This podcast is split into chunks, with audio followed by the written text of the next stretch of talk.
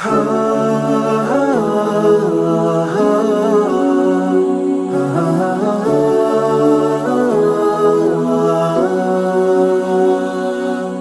alaikum och hjärtligt välkommen till Koranpodden. Jag heter Sally och detta är Koranpodden.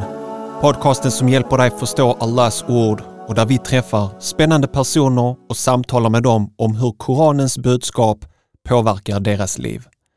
Du lyssnar på poddavsnitt 183 och idag ska du få lyssna på mitt samtal tillsammans med Marwa Dabayi.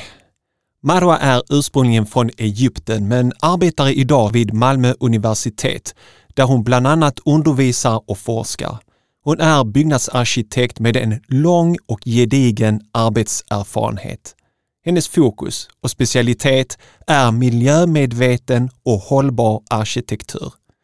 Detta är ett viktigt samtal som är relevant för vår tid om både hennes utbildning och arbete men också om muslimsk historia med fokus på traditionella moskéer som platser för andlig ro och utveckling.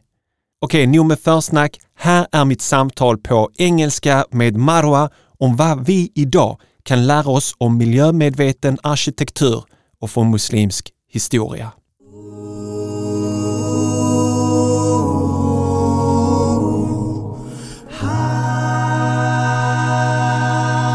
So it's a, it's an honor, a privilege to have Marwa with us here on Koranpodden. Welcome, Marwa. Thank you so much. It's my pleasure and uh, honor to meet you too and to be here with you on your uh, wonderful project. Thank you so much. Uh, I visited your country uh, many, many years ago. We just landed, so it was just an experience from the airport and from the airplane.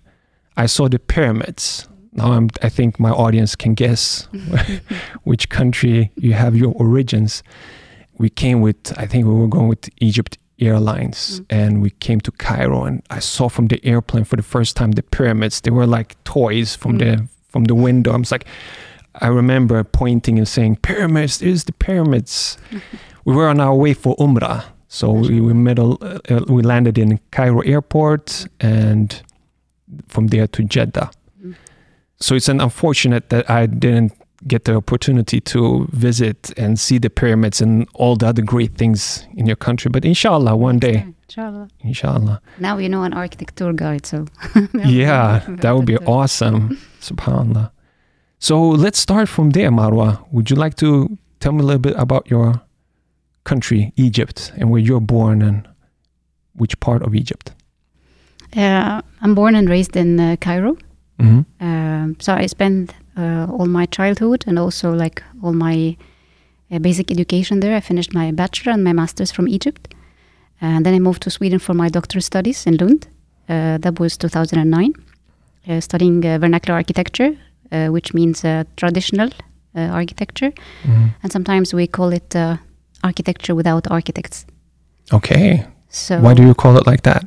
What's so because it's uh, basically people who don't have any technical education mm. and they design and they build uh, their settlements uh, on their own. Mm. And it's a kind of trial and error uh, experience, tacit knowledge that uh, they inherit from their ancestors and they uh, kind of give to their children. Mm. And it's kind of accumulation of um, experiences and people um, develop their the, the buildings uh, naturally. Uh, in, in in some um, like uh, discussion or not discussion, like in some literature, you you, you also find the name uh, natural architecture or indigenous architecture or popular architecture. Uh, those are like kind of synonyms to to vernacular. Mm. However, in Egypt, uh, vernacular is not traditional. traditional architecture is building designed and constructed by experts like designed by architects and built by builders. However, in old times, architects and builders were like the same. Yeah, yeah, yeah. But traditional is something that is designed by professionals, those who know the craft, mm. those who know the like this kind of business. But vernacular architecture is purely natural, uh, coming from the people, to the people, by the people, and for the people. Do you have any examples of that? You could maybe try to make it close here in Sweden. Mm-hmm. Uh, if you look at the, the, the clay buildings in Skåne mm-hmm. or buildings that has this um, reed and straw roofs, uh, like Vass and uh, hmm uh, Ler, Ler, exactly, Lerhus, Yeah. yes. uh, and Hall. Mm. So this can be considered as vernacular architecture. Okay. I have seen those. They're they're not so. I mean, they're they're not building those anymore. But I've seen some new buildings that are going uh, according to this style. But it's not so common anymore. It's becoming hippie style now. Okay. Like people are going back to Uh-huh. the to the roots yeah. because they discovered like it's more environmentally friendly, uh, more economical to build. Mm. However, not that much in Sweden because man hour in Sweden is very expensive. So it's better to use technology like in high tech Yeah. not to Those houses must be very expensive, Yes, I guess, Yes. compared to those who are made in a factory. yes. Because the, the problem in Sweden is the man hour. Mm. But if you look at the material itself, Mm. it's nothing like the clay. It's just under your feet. Yeah. There is a famous architect, famous Egyptian architect called uh, or named Hassan Fathi. He used to Mm. say like build with what is underneath your feet. Okay. So if you have stone, uh, build with stone. If you have earth, build with earth. So that's that's vernacular. Vernacular. Vernacular. Yeah. It's a new uh, word for me. Vernacular. So if you look at vernacular Mm. architecture in Egypt, Mm. what would that be? That would mainly be earth Mm. and mud architecture. Okay. Majority of the Egypt, the Egypt is desert. Uh, like uh, 96% of the Egyptian land, if I'm not wrong, is is desert. Uh, or maybe no, 92. Yeah, I think 92% of the Egyptian land is desert. So majority of the vernacular buildings are just mud, clay, and earth. And then there are stone buildings, and very very few is from wood, because it's not like common. Exactly. But there are a lot also um, uh, constructed out of reeds, vas. So that is the the, the main vern- vernacular materials that uh, is common in Egypt. So, so let's go back in the history. What made you interested in architecture f- in the beginning, and then this spe- specialty? So you came all the way to Sweden to study that, Mm. I guess. So let's start with architecture. Uh, if I remember, my mom used to say like you you were very interested in in, in in building things with cubes or like with anything left over at home. Sometimes with those. Uh, uh, clothes clips, the wooden clips. Uh-huh. I just break them and then I just construct something out of them, or just like any textile material, I just try to, to build a structure out of maybe a tent. But all all kids they do tents. Yeah. Do you have. Lego in uh, Egypt? No, we didn't. No, but okay. I designed my own Lego with those uh, Yeah. small clip, uh, clips. Uh, so yeah, so I think it, it came natural, and, and I think majority of Egyptians they they were they are, you get it as a default thing, like you're fascinated with the enormous uh, layers of of architecture. Uh, uh, you could say heritage, Mm. uh, starting from ancient Egyptian time until modern times. Uh, so at school also we, we study a lot about Egyptian heritage and Egyptian architecture, and uh, we do a lot of this kind of yeah, tours. So I was all the time like fascinated with this enormous amount of structures, Mm. uh, sophisticated. All the majority of the time, they're really sophisticated buildings. Uh, so that like um, what like it was interesting for me to know how how those buildings were built uh, and how they were designed. So For example, the the pyramids. I mean, you get fascinated Mm. so long ago and so you know uh, detailed and exact. I, I got a book for many many years ago uh, that was about UFOs, aliens. And the theory of this book was that basically, you know, the pyramids and other ancient buildings are so sophisticated and they didn't have those equipment, so they could build that. So the theory was that basically aliens Mm. taught the technology, and so the humans built that.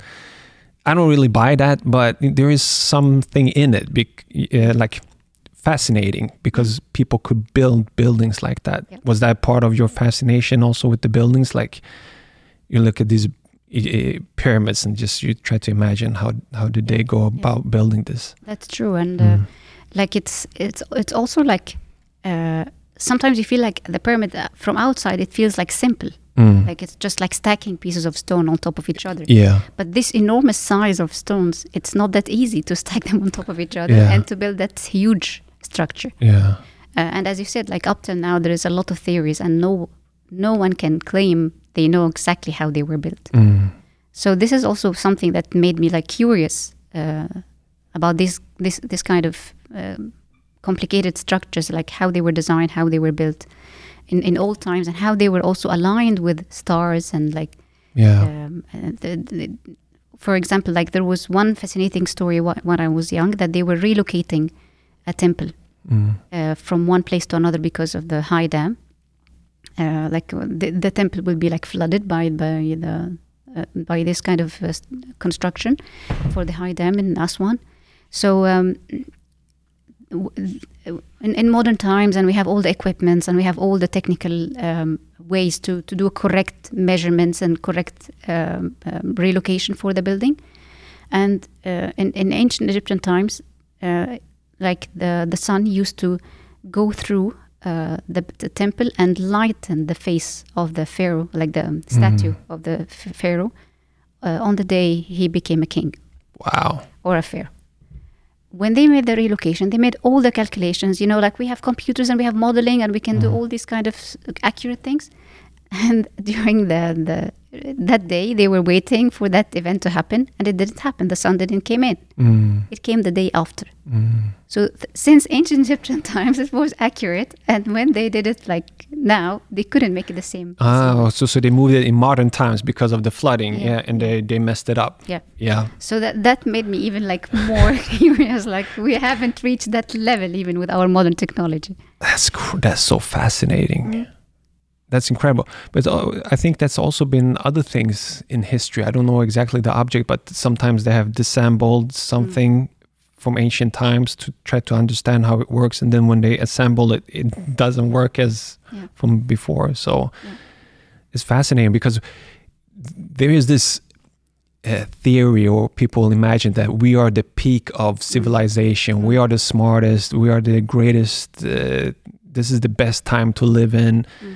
But i don't know like maybe there's wisdom and knowledge that we have lost on the way Yeah, that's true, and that you Mm. you find actually in vernacular architecture. mm. Like you find the simplicity, you find connection to nature, connection to uh, yourself as a human being, and how the buildings were kind of healing buildings, and how they can resonate uh, with your uh, needs, with even with your body temperature and with your uh, physiology.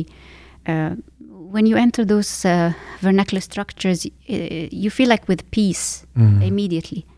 Uh, like in, in harsh desert climate in Egypt, when the temperature is 55 degrees outside, you just enter the building, it's just 22, 24 degrees.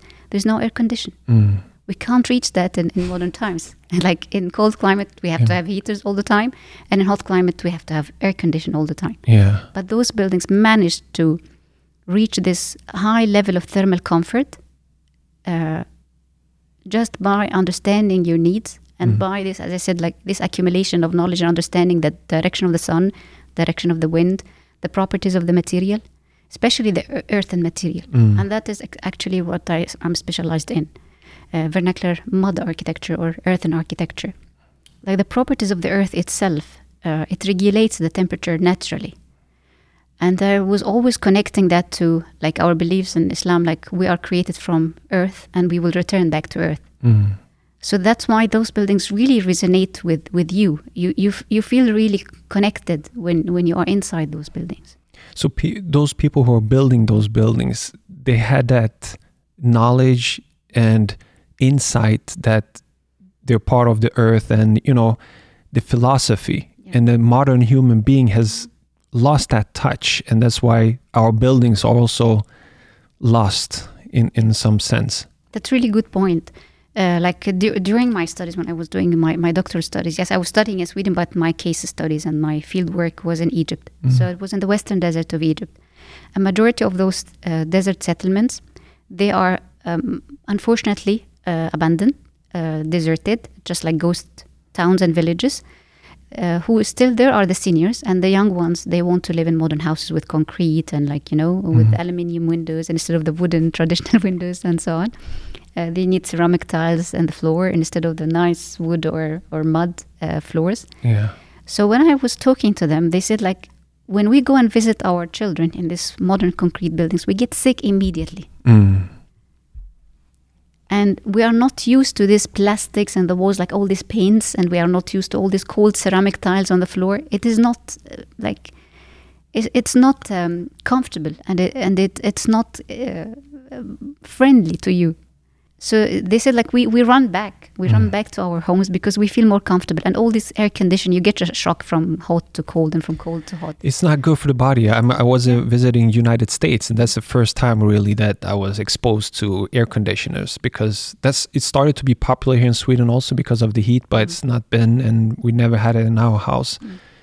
But when I was in America, I you know I turned on the AC, and you know it went from super hot to Mm. super cold, and then you felt uncomfortable, and then you turn it off, and all of a sudden it was super warm again. So it was like really up and down. And I haven't been to UAE, you know, United Arab Emirates in Kuwait and all those, but those are also countries where they use Yes. a lot of AC, and it's not good for the environment because it uses a lot of el- electricity. It's not Exactly. natural. So Exactly. So those traditional ones, like they were regulating temperature and humidity naturally, mm. and they know when when they need to open the windows and when they need to close it, and they know exactly how to position also from the beginning, of course, how to position their buildings to the right uh, orientation to get the the right air like uh, uh, airflow in their buildings, the right sun. Uh, uh, uh, you need it in during winter time, and you need it out mm. during summertime. Uh, how to get also the adequate daylight without too much, because in, in Egypt, for example, it's you get this glare Mm. because it's too bright. So how this can be adequate soft light uh, can enter the house without um, harming you. Mm. So I'm, I'm thinking I'm fascinated because there's so many different things to think about. Is the position of the sun, the airflow, the mud, the everything.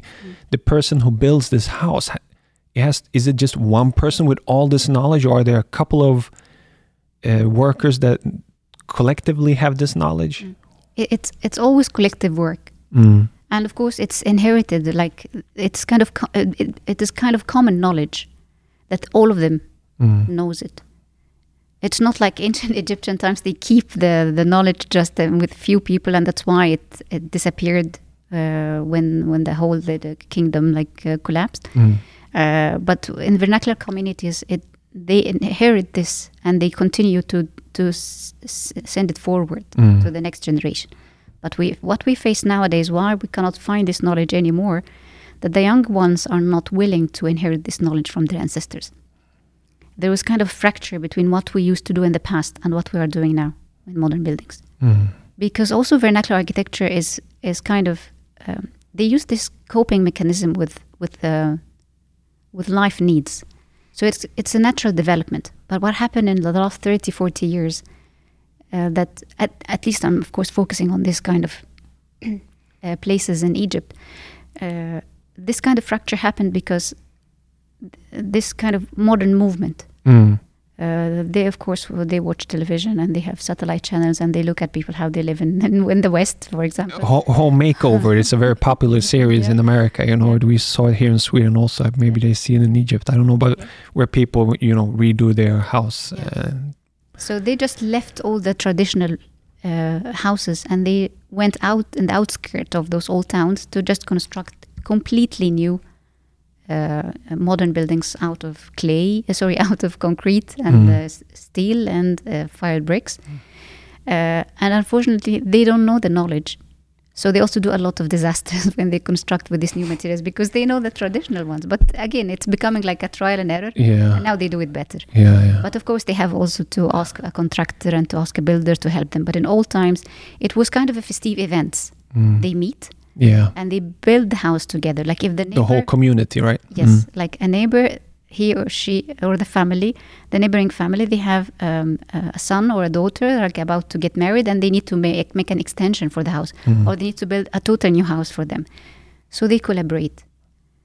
And they help each other. One will bring the material, one will bring uh, the the wood or the clay or the straw from the farms, and then they start to cast the bricks, and then they lay the bricks, and then they make the plastering. And there is I- a clear identified roles for men and for women in this Mhm. in the process, and for children as well when they help. And they sing and they um, like it, um, it was a kind of a joyful uh, Mm. experience. Like they enjoy it together, and they have also certain seasons when they are they are building, and certain seasons when they are not building. So they also they know why Mm. and when they have to cut um, the the straw for building or the reeds or the wood, it depends also on the moon uh, time.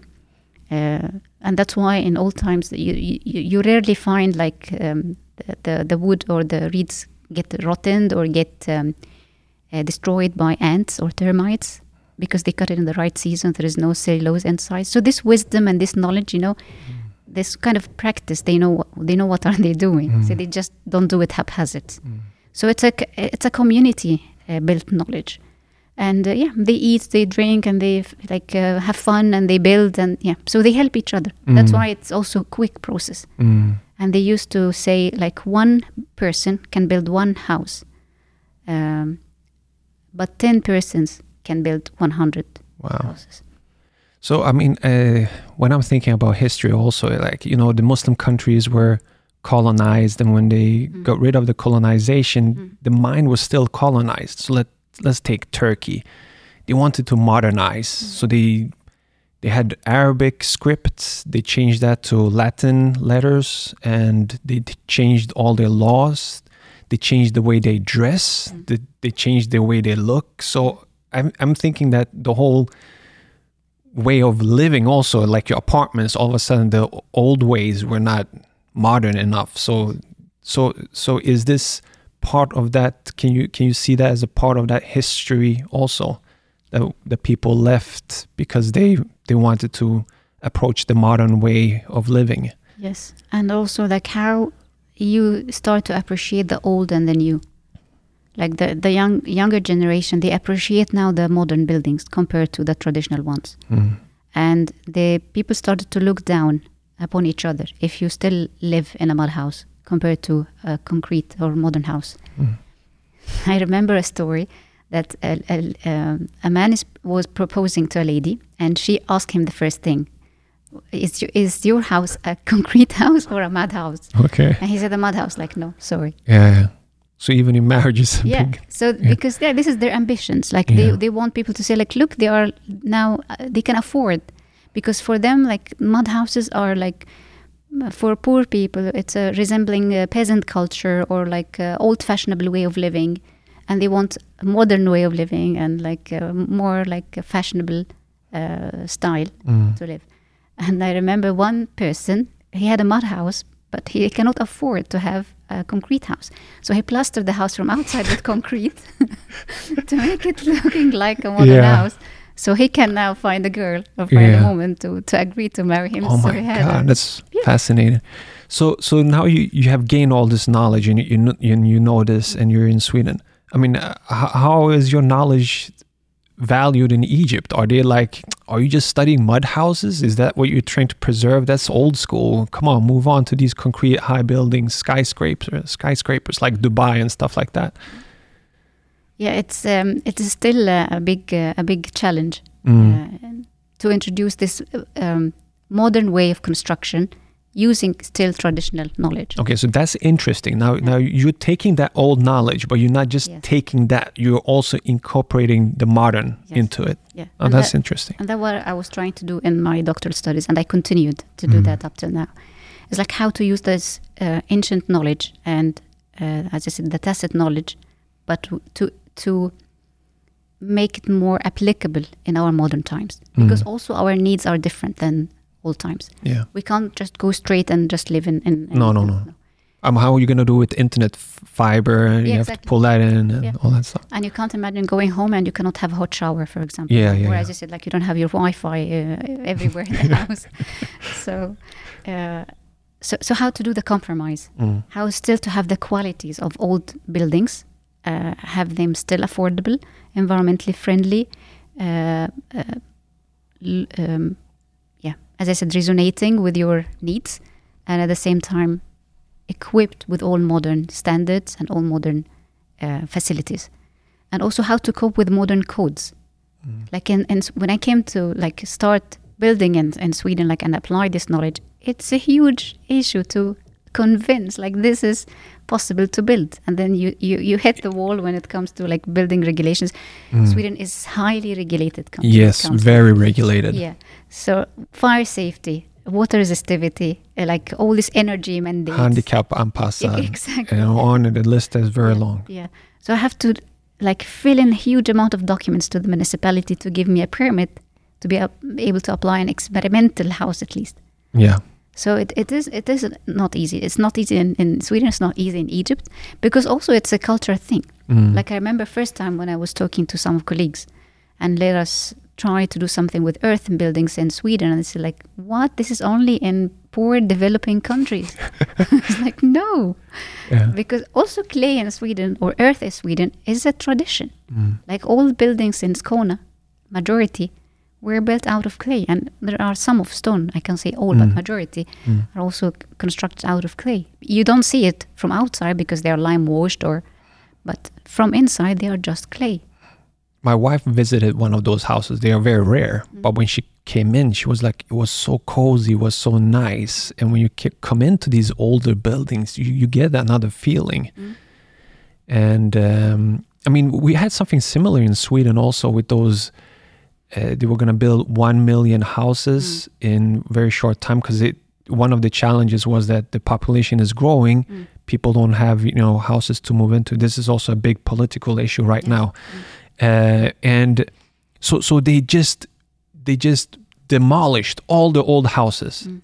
and built these big uh, areas with, Mm. and just stuck in a lot of people and many of these areas have now challenges Yes. with crime with you know different things so is it the, just the people's fault or is it also how the how you plan and build and make them cheap and then you know have you thought about that Actually, it's it's a, a double responsibility. It's also the authority and the like ma- the, who are in power Mm. responsibility, and also for, uh, it's our responsibility as citizens yeah because we have also standards, and we also look at things in different ways. We can uh, we can look at some of these kind of social housing projects as only people who cannot afford to live like in a good standard, or maybe this is only for migrants or for refugees, and start to label things in Mm. different ways and also it's the authority who just think like okay if we build this million houses and then we will solve the the, the housing problems and then people will not complain and we be, we will be able to like host all this um, number of people in, in like decent um, uh, apartments and then we can solve the, the other problems later on but Mm. let's look at the acute problems so we Mm. have sometimes short sight yeah to solve like an acute problem, but we don't look at what are the consequences. So now, actually, it's not only about like social issues and uh, like um, uh, conflict or like crime. It's also about environmental issues, like all Mm. this n- huge amount of industrial materials used to build these apartments, and we now want to demolish them because it's time to like tear them down and construct new ones. What about the environmental burdens? Mm. Nobody really thought about it when they built those Yeah. buildings, and they, they were not. They were modern for it for its time, Mm. but now you know it's not so popular, and it's not so. Many of them have problems, and people living in them have issues. You know, with sickness also sometimes as a result of it. And that's why I'm I'm I'm really fascinated with earth and materials because they go back to earth. Like when you want to demolish those settlements, if it's ab- about time to demolish them, they just go back to nature, Yeah, and you can just use the the rubble from from the uh, old to build demolition them. to build new ones. Mm. You cast them again as bricks, or you build them again as uh, like uh, di- different techniques, rammed earth or cob or whatever. So there's no waste. Mm. Isn't that also like I just when when I listen to it, I just feel like parallel to food, Mm. like food back in the days. You know, they were farmers. They were, Mm. you know, uh, you know, um, brought up the cow and they got the milk there and they you know they slaughtered their own animal and Mm. they chop up the pieces and they gave it to their neighbors and all that stuff. Now it's everything is industry Mm. And it's processed food and the drinks and nothing is really natural anymore even if you look at the food so Yeah. it's, it looks like the process of you know even the way we live and also the way we eat is Mm. the same like it- it's not natural but now is is growing a movement of going back to you know natural Mm. vegetables and eating more vegetarian and natural foods and all that stuff so but it feels like the way we live is is also going back there there is a movement but maybe not so Yeah, sometimes I feel like we are re- reinventing history. Like it, it that that Mm. what we used to live in old times. mm, Like again, I'm I'm referring again all the time to this vernacular experience I had. like those communities, they, they used to develop the concept of like closing the loop or circularity. Now everything is now is about circularity and circular Yeah. economy and circular design, and uh, going back to nature. But that was how people used to live It's not nothing new. It's not a new new. concept. at all. At all. Like let me give you an example. Like one palm tree. Mm. There are plenty of possibilities to make use of this palm tree. First, it's a source of food. We eat dates, and then when it's time to like um, cut it, you use the trunk as main main construction um, elements Yeah, for buildings. for buildings Yeah. and then uh, the kind of uh, the palm reeds you use them for uh, ceilings uh, as kind of um, mat ceiling Mhm. mat as a secondary layer uh, or for the ground and for reinforcement for the walls and also you can construct doors and windows out of these palm reeds and then the ash or the leaves uh, you you use it also as mats as a final layer for the roofs Mm. and you you uh, you produce um, kind of baskets and uh, bags and like other houseware um, items and any leftovers you can use them for as to um, how to say it like they knit them as for threads and Yeah. uh, ropes Mm. so every single piece in a palm tree is used Wow. there's almost no almost no leftover Mm. And There's no there's no israf. no, not whatsoever. Yeah. So they close the loop, and Mm. even if there are something left, it just go as a compost Yeah. uh, for for in the soil. Yeah. Wow, very fascinating. But let's go back to that thing you told me about your experimental house in Sweden. So you applied for all this to build what? Um, the idea was to build a refugee house. It was during the time when there is huge flux of refugees coming to Sweden Mhm. and to Europe in general. So that was in 2015. Okay. Uh, so I, I came with the idea like why not we can use the surrounding natural materials uh, to construct uh, a demo house uh, while also involving refugees in the design and construction. So I went around and I talked um, to a lot of refugees. Mainly, I was focusing on Syrian refugees uh, because they were the majority at that time after the civil war in, in Mm. Syria. Uh, they were hosted in different housing facilities in many parts of Skåne. But I was, of course, there were many parts of Sweden, but I was focusing my study on only on the southern part of Sweden. And I started to jot down what are their problems and what are things that they feel like uncomfortable in the, the Swedish way of living and in their temporary housing and all these problems related to privacy and related to like, um, yeah, Islamic habits that um, majority were Muslims, the, the people like I worked with.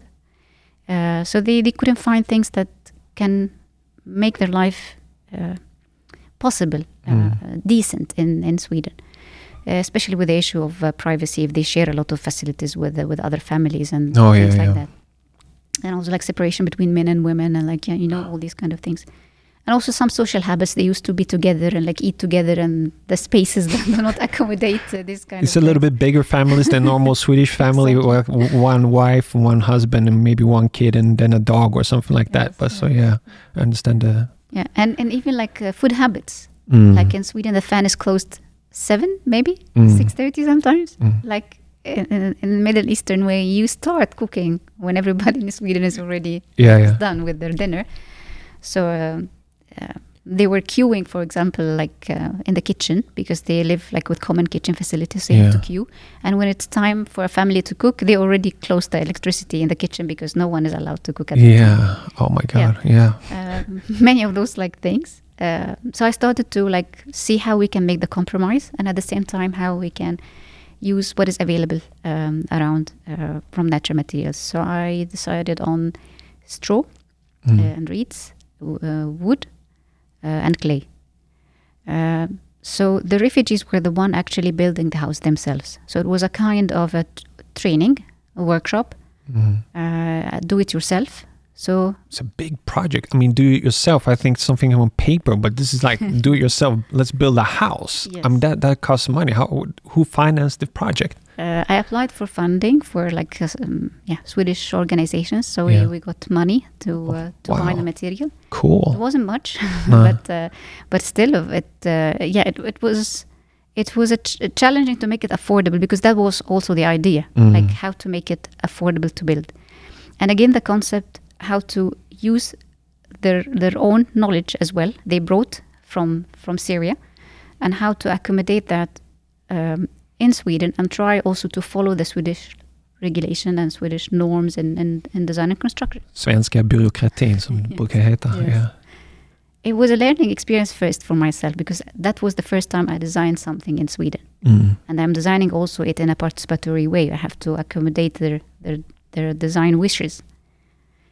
And I never designed something for cold climate, so I was also studying myself, like how to do. Like in Egypt, we orient everything to the north Yeah. because of the cool and breathe. And here we orient everything to the south because Yeah. of the sun, and so on and so forth. From this kind of like, um, yeah, uh, peculiar things to accommodate to uh, adapt also to the climate and weather conditions and so on. Mm.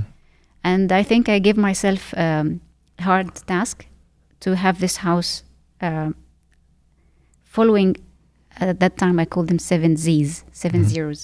So how this house can be zero energy, zero carbon, zero cost if you do it yourself, zero waste, zero indoor air pollutants, and uh, yeah, zero impact on the environment after the end of life of this building. So the building has to go back to nature. Wow. Same concepts I learned from vernacular architecture. Cool. What a task. What a challenge. Zero impact on all those areas. Can you really build a building? So how did it go? Uh, yeah, after finishing the design Mhm. exercise, back and forth, of course, I do sketches and then I go back to those people who I was talking to so we can make refinement until. Who are you talking to? The Syrians or the Swedish? Syrians. no, Syrians. Syrians, okay. Yeah, Syri- the groups of uh, yeah families Yeah. in different uh, yeah parts, and then um, some of them they were willing to help in the construction, and that was the idea. Like who is interested to be part of the project, Yeah. and they were volunteers, but they were getting some incentives Mm. for their time and effort. And we started the the the building process uh, with straw uh, straw panels. Mm. Uh, like we bought them from farmlands. Uh, actually, one straw bale was just ten crowns. Okay. If you if you take it from the farmer, if the farmer put it if, like from the Yeah. farmland, if Mm. you, the farmer put it in the warehouse, it's thirty crowns Okay. You got it for 10. for ten. How many of those did you need for the building? I can't remember the number now, but Ap- uh, approximately. I, I don't know. It's I think it's, it's hard to remember now. It's almost six years. Um, Okay, but anyway, you, you, you don't go to the mall, you go to the. we just go to the fields. Yeah, And cool. the farmers are happy that someone is helping them to instead of they store it in the, in Mm. warehouses. Um, and uh, it's that they are stacked in panels, and then uh, we covered them with wood fiber boards, just like the leftover of wood is com- uh, compressed in, in the form of boards. And then um, at that time, the idea is also to, to finish the house from outside with clay, Mhm. but due to some challenges with the time when we started construction, it was winter time, so it was not possible to do it. Yeah, the clay is very hard and. So we, we, we decided to do the cladding from outside with wood, Mm. Uh, w- which was not bad. Like we haven't c- consumed much wood, but it was also easier and quick because you just screw. Yeah. So actually, we, we used only screwdrivers, and the, the area at that time uh, it was off grid. There was no electricity, Mm. so we just have a small charger to charge the the screwdrivers, and everything was low tech by hand. Mm. And it took us seven working days to construct a house of four, 45 square meters. Wow, that's quick. I thought it was going to take much longer than No, that. no. But there's no electricity, No. no plumbing, like No. water going in there or water going out Yeah, because for, for bathroom and washing hands. So all that is also going to keep very low tech. You have to have like a hink, like this in Swedish. But that was the idea that this Yeah. house can function off grid and on grid. Mm, okay. So everything is eco cycle. Everything, all the waste coming from the house is reused or Mm. upcycled. Did you have recycled. people from the from the like you know from kommunen to to inspect. inspect? Yeah, of course, inspections all the time. They were Yeah. like, coming from a distance, looking at like, what are those crazy people doing? this, this So what, what kind of hard time did they give you with the inspection? What was there like? Ah, you have to think about this or that, or uh, was safety. Uh, Mhm. Because the refugees, they don't want to like wear helmets for them. Like, they- oh, like okay. So wh- while they're building, they're also Yeah. inspecting. Okay, Yes. not just when the building is done. Didn't they inspect the building also when it's finished? Uh, yes, Yeah. but because there is no one living there, so Mm. it wasn't that complicated. It was Okay. complicated to just get a permit Mm. because I have to like give all the proof that this house is fireproof and it's waterproof and like it's according to the energy mandates and the uh, yeah Mm. all these kind of figures that you have to uh, to make to make them comply with with the Swedish standards. Yeah, yeah. But um, I was hoping that we'll be a family living in the house, and then we can monitor the efficiency of all the systems because there is no heating and no cooling systems. Everything is natural, Mm. depending on the wind and the sun, and that's it. So it's finished after seven days. Who's moving in? No one, unfortunately. So, I- I- it's me sometimes. I go there and just see how it is. Why? Why not? It was too simple, or it didn't. Because the building permit was experimental. So okay, so it- nobody's allowed to. to sleep. You can use it during daytime. Oh daytime, my god. not to sleep. Okay. But my next step. So that that was so they gave you you, you searched for permit for an experimental house, not Yes. a house where people can live for a longer time. If you were gonna go for something that's perm Mm. permanent, Mm. would it be more things that you have to apply by? yes, Yeah. You can can you be off grid? I can still be off grid. Yeah, yes. but there's other things other things too. to. Mm. Wow. So where is it located? In Lund, in Brunnshög. In Lund, I work there. Mm. And where in Lund? Like it has to be off the city, like not It used to be, Okay. but now because of course Brunnshög, like it's is is expanding. expanding. So it was the only house, uh, and there's nothing around. Now it's you cannot see it because everything's like jungle, concrete jungle. Ah, okay. So- Concrete jungle or like trees have grown over it or no, only concrete jungles. Of course, there are some trees, but majority are Okay, just okay. concrete jungles. cool. And your house is still there. The straw little houses still. there. Do people go there? Like other people that are living around? Do they? they are curious, and that's why the municipality. Uh, it was the plan was to demolish the house after one year. Yeah. just experimented. Exactly. So the municipality uh, was interested. So they, yeah, They kept it. the house. Mm. Okay. Did you get any media attention? No, Why not?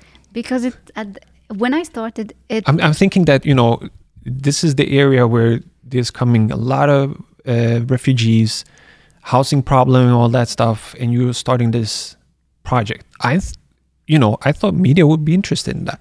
When I started, there was a lot of interest, but Mm. as soon as I'm, I was done, the whole political uh, like uh, atmosphere has changed. Yeah. It became like no, you, you couldn't label something as only for refugees, Mm. or you can't do only solutions for refugees. Yeah. We can't build houses only for refugees. But that was not the case. Like it was a solution um, to solve an acute problem. But it can be for anyone. It can be Mm. solving also maybe student housing problems in Lund. Yeah, and you're experimenting with natural, Yeah. uh, you know, all that circular. Exactly, and It's, it's, bigger than just yeah, yeah, housing uh, refugees. it can be for anyone. Mm. It's just like how how we can adapt this way of thinking for an acute problem now. But tomorrow it can be f- for like another Mm. another problem. So, from this project, what is your best learning tips, or like, what did you learn from this project? Most important. Don't build in winter in Sweden. of course. Yeah, it was tough, of course, and uh, it was hard to be outdoor. Couldn't you like? Didn't you think about that? That oh my god, now it's winter. The, the clay is gonna be a problem, or it was just like now we have to do it. And oh my god, it's winter. That was or I was aware, of course, like it's hard to do it in winter, but my plan was to to do it during July and August, so the Mm. weather is like it, it's good. It's um, yeah uh, uh, possible to be outdoor majority of the time. Yeah. But due to this building permits delays and Yeah. paperwork, Mm. bureaucracy, so Yeah. everything was shifted. Mm. So it was out of my hands. So I had Exactly. to start uh, at, at uh, late November. Uh, it wasn't really, really winter, but for me that was super cold. And of course, like uh, we have to cover the the structure when it starts to rain, and also overnight because the straw can't be like exposed to humidity and rain. Yeah. Uh, but it, it was it was good that we we managed in in, in few days because that was the idea, like how to do it also in in short time. Uh, because in Sweden, time equals money. So the, Yeah. the more you the more time you spend, the more money you have to pay to pay. But of course, if you do it yourself, you don't pay for for um, Yeah. yeah for exactly. workers. Yeah, which is big part of the cost. Yeah. So I'm, I'm fascinating. Lund decided to keep your experimental house. Mm. Have they got back to you what, why they are keeping it or why they are, what their thoughts are about it? They, they want it as a showcase to Mm. still sh- show like we can use natural materials in, in construction Mm. uh, in modern times, and it, it can stand still Mm. uh, and can resist weather conditions, snow and rain, Yeah. even if it was supposed to be like only one year. So if we if we invested more, it, it will even stay longer because this kind of structure can stand over 90 years. Mm. So how long has it been since you built it? Now it's four years. Or I have to go Yeah. and see it. Is it on uh. Google Maps? Yes. It is on Google Maps. Yeah. Cool. All right. I was I was thinking about Islamic architecture. Mm. My knowledge about it is not so great, but what would you, what do you think is interesting with Islamic architecture? For me, Islamic architecture is is the way that, like, how the building also express your own beliefs, Mm. uh, showing it in the in the design details. Like in architecture, when uh, when we use only uh, geometrical patterns or floral patterns because we don't believe in like uh, making portraits or like Mm. uh, showing figures. Um, when we use um, specific also orientations and uh, we use a specific um, elements uh, that was introduced to to the architecture where Islam like had been spread in, in those countries because um, major- majority of the people they mix between Arab architecture and Islamic architecture but of course Arab architecture is before before Islam Yeah. so when Islam came, there was a lot of extra elements added to the architecture, like minarets, for example, or Mhm. some extra building typologies that have been added. Uh, some different way of thinking uh, that made some buildings function also differently. Yeah. And some concepts, like the concept of waqf, for example, like when you do some, something for charity as an endowment. So a building can be used for uh, as a Quranic school, so for like education, and uh, as a sabil, like for water uh, service to offer water for like pa- passerbys for free, because wat- clean water at at that time when Islam was in many Mm. countries in the Arab Peninsula or North Africa or any other parts of the world, it was hard to find clean water. So it was kind of charity that you you don't have to worry about finding water on your Mhm. way or even take water back home, cold and chilled water in especially like in hot countries. Nice that they were thinking about it for free. Now stuff like that is like water bottles. Yes. People make money out of natural stuff. and not only for humans, Mm. there was also sabils for animals. Wow. So how how merciful Islam Mm. is, like also for animals, like for donkeys and cows and for horses and for camels. So there is a place also like when the rider wants to rest and drink. There's Mm. also a small place where the animal also can drink and rest. Are those places still uh, possible to visit in Egypt? Yes, and many other like uh, Uh, Are they used also uh, or out of function? in Egypt, um, majority are just for like uh, touristic purposes. Yeah, yeah. Some are rehabilitated and reused. hmm And the water wells, some of them are like they still have water, but the system itself do not function, of course, because also our standard for cleaning and water, like it's not the same as Yeah. before.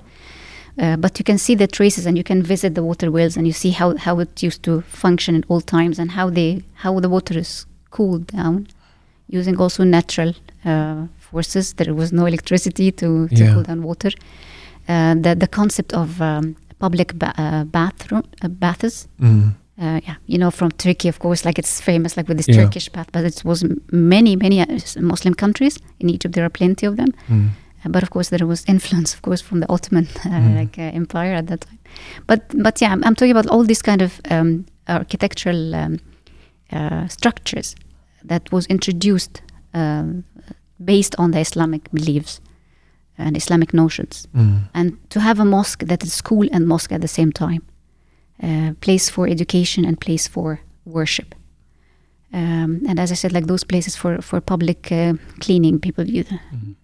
do not have bathrooms at their homes, um, uh, and this kind of, as I said, the endowment system, uh, and there was a, an early concept for a, for an NGO, that's non-profit. Mm. So you have a function that brings money, and this money comes back to the same institution to keep it sustainable. Yeah. So there is again that this concept of sustainability and how to have economical and social and even environmental sustainability at the same time, the same place. Mm. One of the fascinating things, uh, maybe it's not connected to Islam, but it's connected to the way of thinking also, no israf, and how to keep things and closing the loop. Uh, those uh, public uh, bath uh, places. Uh, I will give the example on Egypt because I know more about it. Mm. How they how they get the energy to cool to warm the water, and to have the steam room and the vapor room and the wat- like hot water room.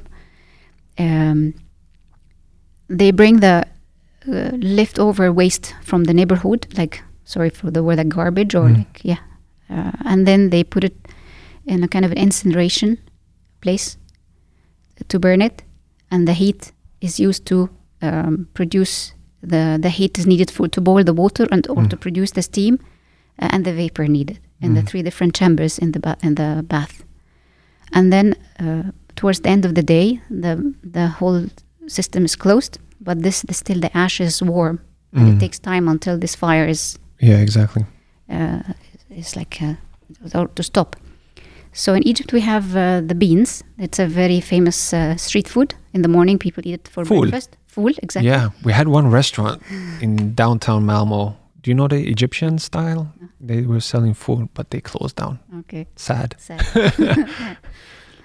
um, so they put the containers Mm. on top because if, uh, fool or the beans had to be it's a slow cooking process. It, Yeah. Like in, if you do it at home, you have to leave it overnight Mm. for eight hours until it's cooked in the morning.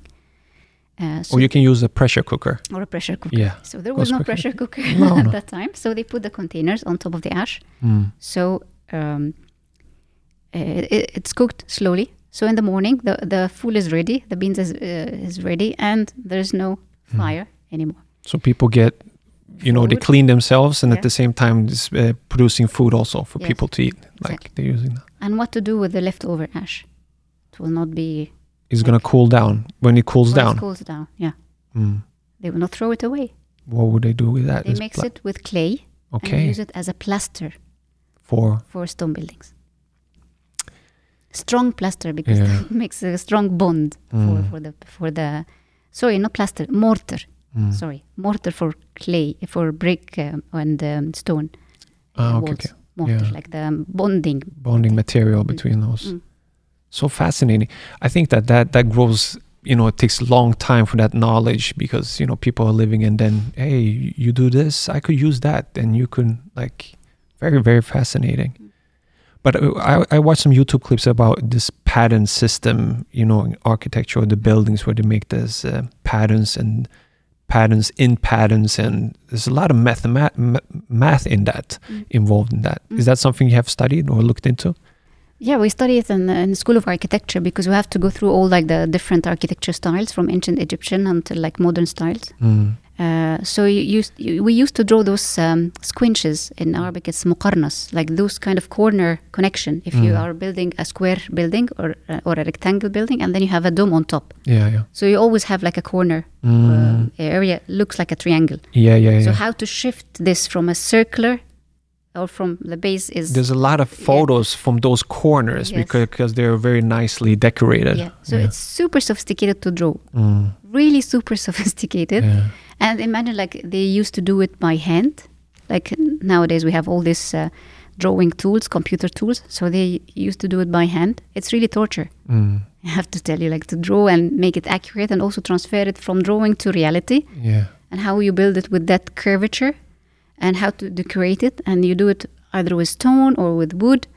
Um, yeah, it is um, definitely. Uh, uh, and also the patience in it, like, and to do also and add this beauty, um, uh, uh, and also the the craftsmanship, Yeah. because like Islam is also about like everything has to be beautiful and has to be also pleasant to do. That's that's to something that I feel like we have lost in modern times. Like with the modern things, like you you buy a prayer mat Mm. and you just turn it around. Like you, you go for Umrah, right? And you buy tasbih, uh, you buy prayer mats, so you buy everything is from China. It's like plastic and it's nothing authentic and it's so cheap. Mm. And so I, I feel like we have lost a lot of the beauty. Yes. So when, when you visit different mosques, Mm. like modern mosques, it's like there's nobody that's really thought the beauty process is more the functionality. Oh, this is a room. We're gonna put a microphone here and speakers there, and big prayer mat here, and nobody has really thought about the craftsmanship or like how to make it beautiful, and so people can come in and just relax in this environment. And uh, like looking at Islamic architecture and this, as you said, like the fine craftsmanship in it, it reminds me of the concept. I don't know how to translate that in English. Ihsan. Mm, yeah, that was exactly the the uh, word I was thinking of because I was I've looked into ihsan. I'm gonna inshallah make a series about that because it, it it's a very complicated, not complicated. It's a uh, has a lot of meanings into it. Mm. I found three meanings: Mm. goodness, ihsan, to do something that's good, also beautiful, Mm. and perfection to do it as good as you can and i think like we need to um, reuse that word in the correct way Yeah. just like we have we use like inshallah in a very bad way like inshallah is This will not maybe happen, yes. And ihsan is we've lost the the real meaning of it and i would like to uh, you know re give rebirth to that uh, word in, in some podcast or something in the future inshallah And that's why those buildings done at that time, uh, they lived for centuries and they are still um, an evidence Mm. for this kind of ihsan and the, the dedication and the, the, the passion and the, the fine craftsmanship. And also the patience. I, I like that word that you use there, patience, because we're that's something we- we're losing in this area, modern time. Everything's fast Mm. paced, Mm. so we lose the concept of patience. I remember one mosque in Egypt. It uh, was um, done by the Sultan at that time, like Ahmad ibn Tulun. He was inspired by the.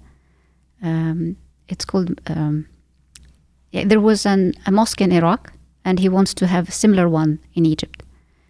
Um, so he asked a designer to design a mosque for him and of course for the community, but mainly, of course, to glorify like his name. They're always like you are. A, you I know. Back in those days, that Yeah, was yeah. still today. You know, there's some mosques built in Sweden, Mm. and the money is funded by some king or prince from a country, and they, they have to have their placard. You know, yeah. in the mosque, in the like mosque. built by some famous prince in somewhere. Okay, but go ahead. So he asked the the architect Mm. to design a mosque that if uh, this mosque is in Cairo, so if Cairo was flooded, the mosque will survive, and if there is huge fire, the mosque will survive. If there is huge earthquake, the mosque has to survive. So in old times, there was no seismic uh, kind of codes or like earthquake codes, and it's hard to make all these kind of calculations. Yeah. For fire also resistivity and for water resistivity. So that was the mission. Mm. So here comes the ihsan and patience. Yeah. Like he went around and what is the best first spot uh, to choose to construct a, uh, a mosque there, and where uh, and what what could be the best material, and what could be the best construction technique. It's not only the material but the construction technique Mm. that uh, he could use. So he came up with an idea, like he constructed on one of the hills, uh, so it's lifted up Mm. away from like the Nile path. Exactly. Can't be flooded then. Yeah, and he used clay because Mm. that is the most abundant material. So he cast bricks, but he constructed the bricks in a way if there's an earthquake, the brick will move and come back as an interlock. So it will like it will not be like cracking. Yeah, yeah. So it's possible to have like this possibility. It can expand a little bit and Exactly. get back to its normal position. Exactly. And look at the minaret, how it's designed from the same material. The Mm. walls, the windows, the ornaments. It's just like a masterpiece Mm. and still standing. People still praying there? Still praying there. Wow. I have to visit that mosque. and the acoustics, like also at all, t- on all so times, many dimensions yeah. to think about. I'm, Yeah. I'm just so amazed of these projects because if I do a podcast, okay, I have to record. I- There's things. There's a workflow, like Mhm. the quality of the sound, the questions, the guest, you know, the atmosphere. But when, when it comes to buildings, it's so like complex and big projects. That's Mm. like fascinating that they, you know. and how they design things like they prepare you if, if i if i take the mosque an example they prepare you f- uh, to go into this spiritual transition Yeah. You come with all um, like life business and things and like especially like with the souk and commercial things like you're Busy. with- yeah and also with your life stresses and work and life and family and everything and then how this kind of smooth transition to reach this tranquil zone Mm. gradually as if you are it's not just you go for ablution and to wash and to make wudu to pre- prepare yourself before that Mm. You are prepared gradually spiritually step by step so the architecture itself it helps you to transfer until you reach this level that you are ready to meet your uh, creator and focus Mm. and just do the prayer in the way it should be. So the architecture itself it prepares you to this Mm. kind of tranquil, um, peaceful Yeah. mood to do your prayers. You don't listen to like all this business from streets. Even in mo- modern times, we have like traffic and you know in Uh. Egypt horns all the time, Yeah, beep yeah. beep and everything. You can't hear that even. Yeah. Yeah. It, it blocks out the sound. Exactly. because that's one of the most beautiful things when you visit a Muslim country, be it Egypt or Saudi Arabia or Turkey, whatever. City life is very busy, Mm. but then you just go into the mosque and then Yes. just silence and uh, you know peaceful uh, and uh, they, it they just doesn't come automatically. There's somebody that has built, that has thought about it and Mm. constructed in a way Mm.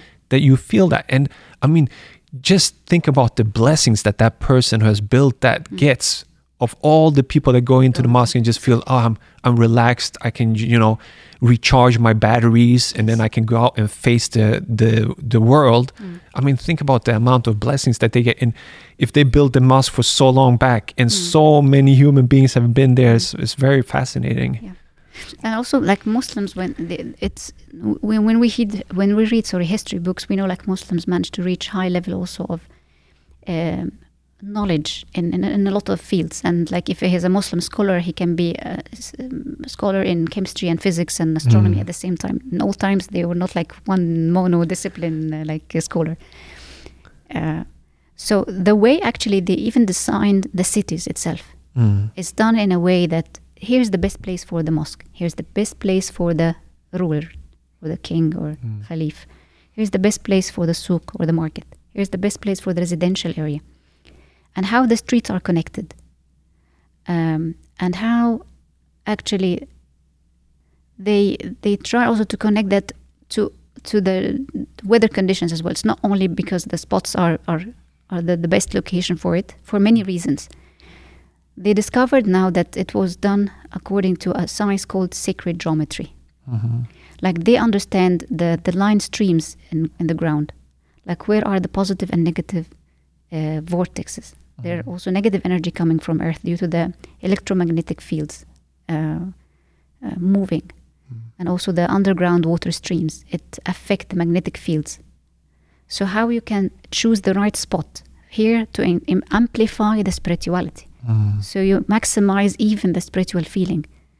Because now when we build mosques, like we don't feel the same the same Nah. feeling. Even if you try If also you go into an old one compared yeah, to a new one. to- so they, they choose the right spot to really amplify the, the, the positive energy spot here. Mm. There was a, a very simple example they used to do it. They they bring a piece of uh, meat, fresh meat, and they put it in, in certain places. And the one that will rotten first, this place has to be avoided. And the, the place where the meat stays longer in a good shape, this is the best place. Mm.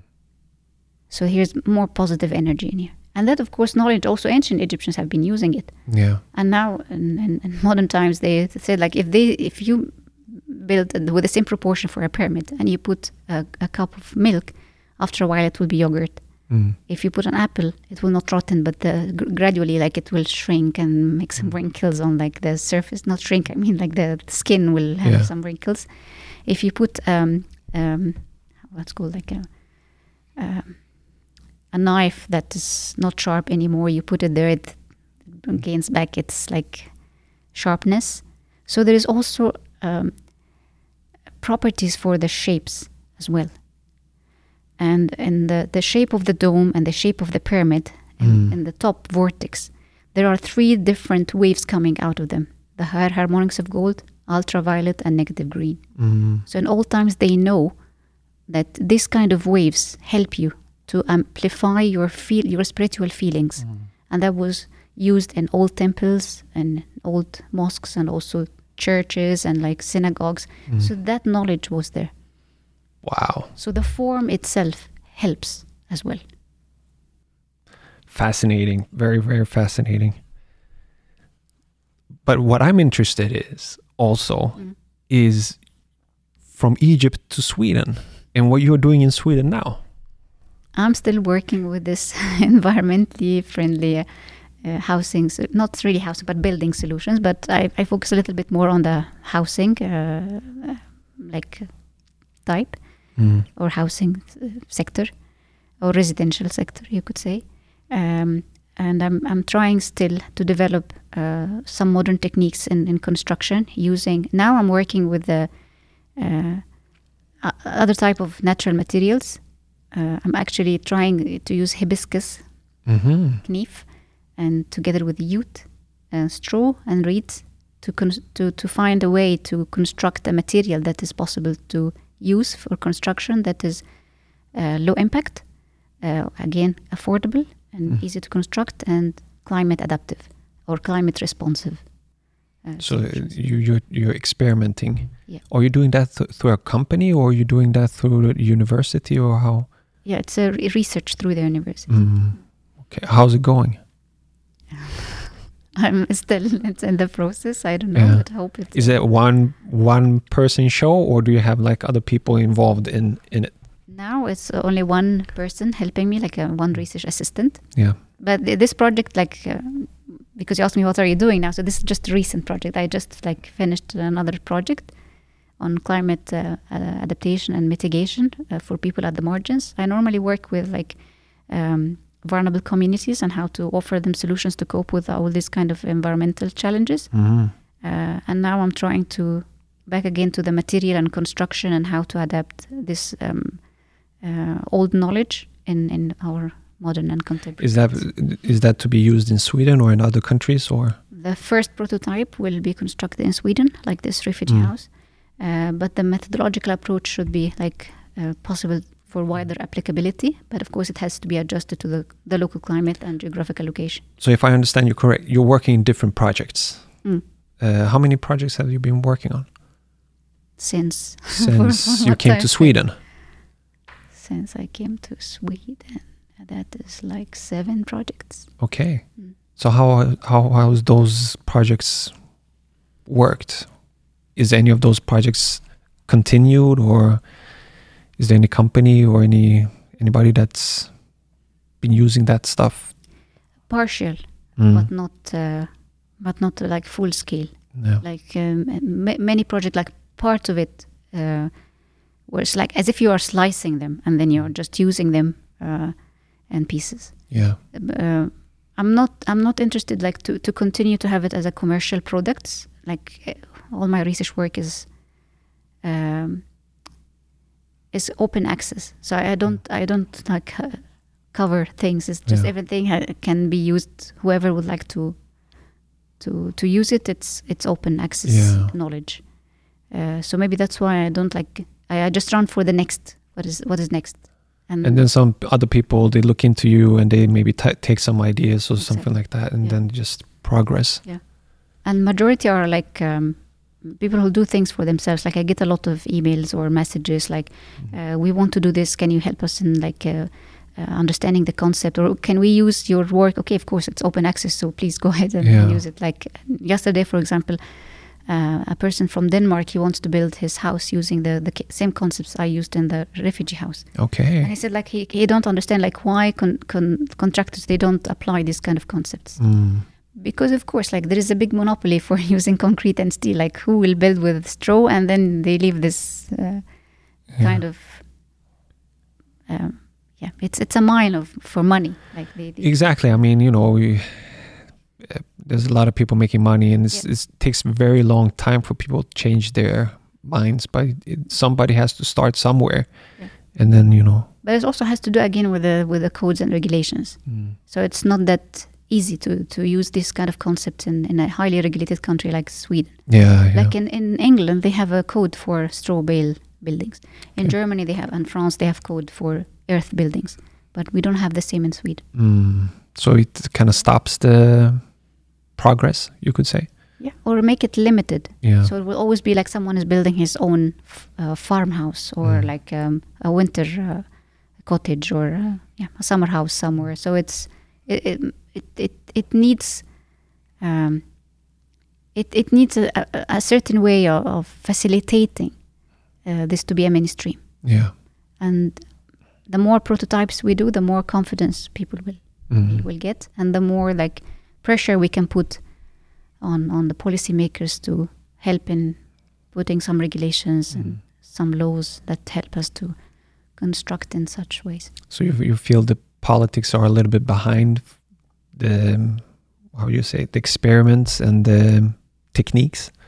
I would say yes because they are also more into high tech, Mm. high end.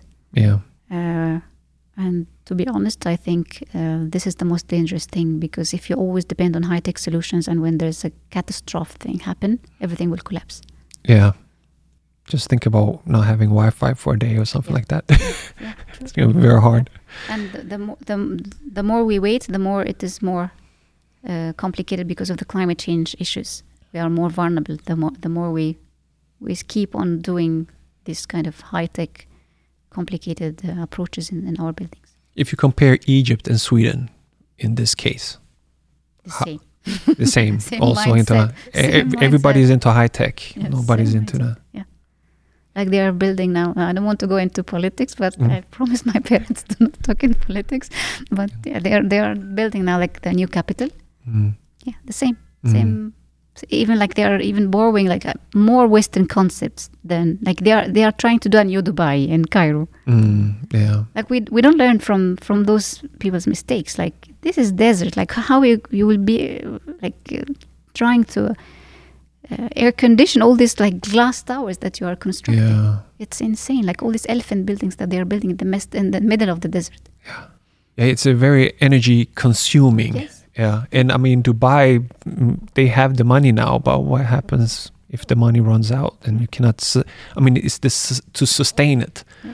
Like they they built a big mo- mosque here in Sweden, and then a Bosnian guy was like, "Wow, they're building a big mosque, but have they thought about maintaining it? Mm. Like they have to have so many people Yes. cleaning and taking care of it. It's one thing to build it, another thing to maintain it." Maintain it, exactly. And he had a point there. Mm.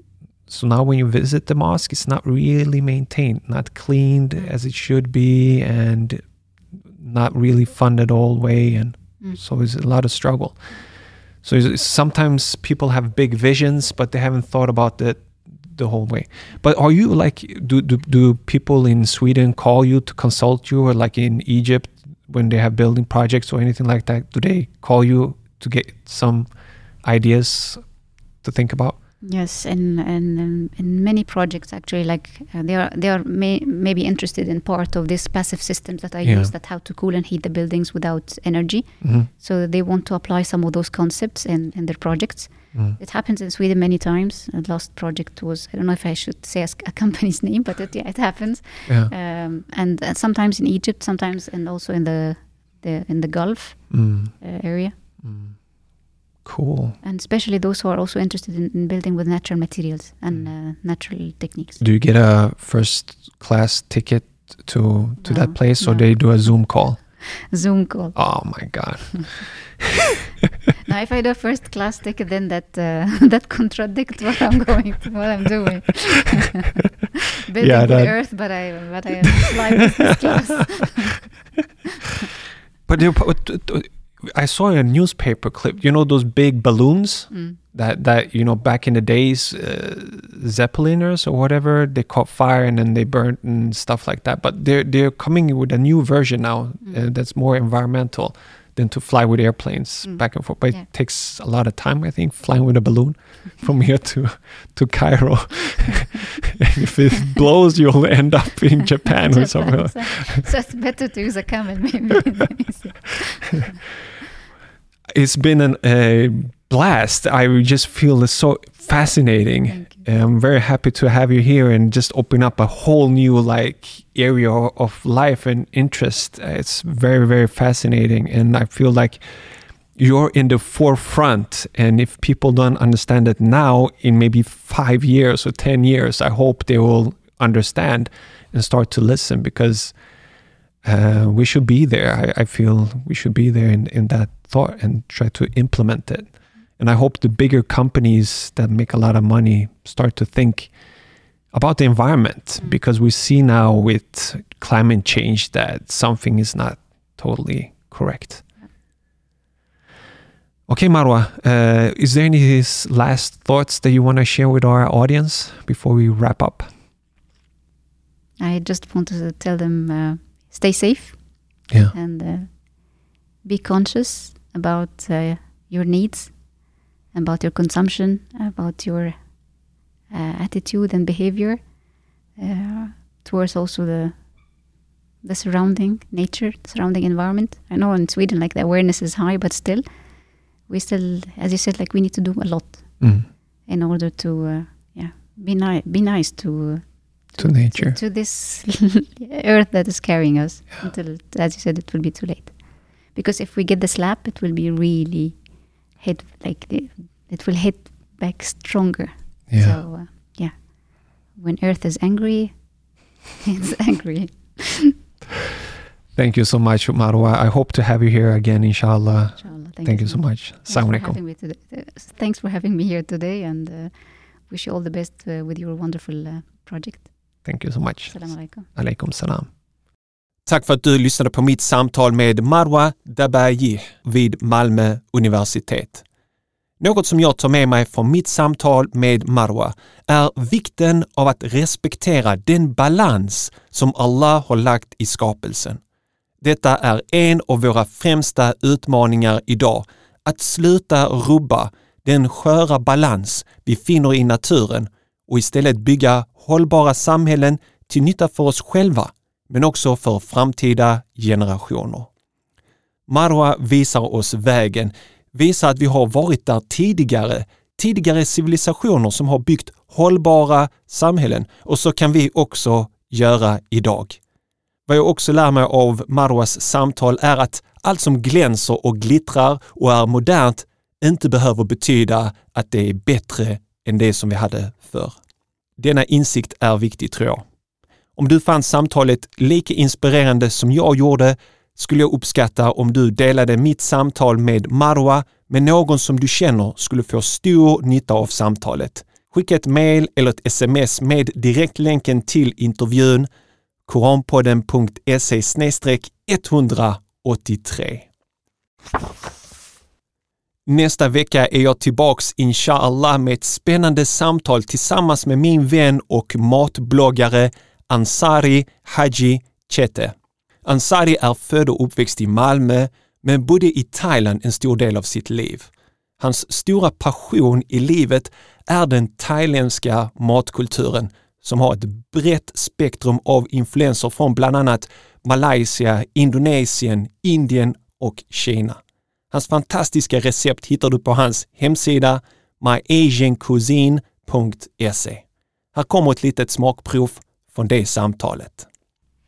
man kan känna, nästan känna liksom det här med respekt för maten och jag tror också det som ökat medveten, eh, medvetenhet hos mig är att när du lagar allting, du vet var råvarorna kommer ifrån, du uppskattar maten och hur det behandlas. Alltså, jag vill ju inte använda råvaror där, där det kanske förstör miljö och så här. Man blir mer medveten om sådana Mm. saker och det är någonting som islam vill vi ska tänka på, hur, hur har djuren behandlats? Ehm, Missa inte mitt samtal på måndag inshallah då jag samtalar med Ansari om härlig matlagning och om hans muslimska tro. Det är fortfarande otroligt många människor där ute som lyssnar på poddar men som inte känner till Koranpodden. Du kan enkelt hjälpa Koranpodden att synas bättre i olika lyssnarlistor så att fler kan få upp öronen för Koranpodden. Ta en minut eller två och recensera eller betygsätt Koranpodden i din poddapp. Det hjälper oss verkligen att nå ut och jag uppskattar verkligen din hjälp och tackar på förhand. Följ oss på Facebook och Instagram där du kan följa arbetet med Koranpodden och vill du komma i kontakt med mig eller tipsa om någon som du vill att jag intervjuar så gör du det lättast genom att mejla mig på hej koranpodden.se. Då återstår det bara för mig att önska dig en härlig vecka.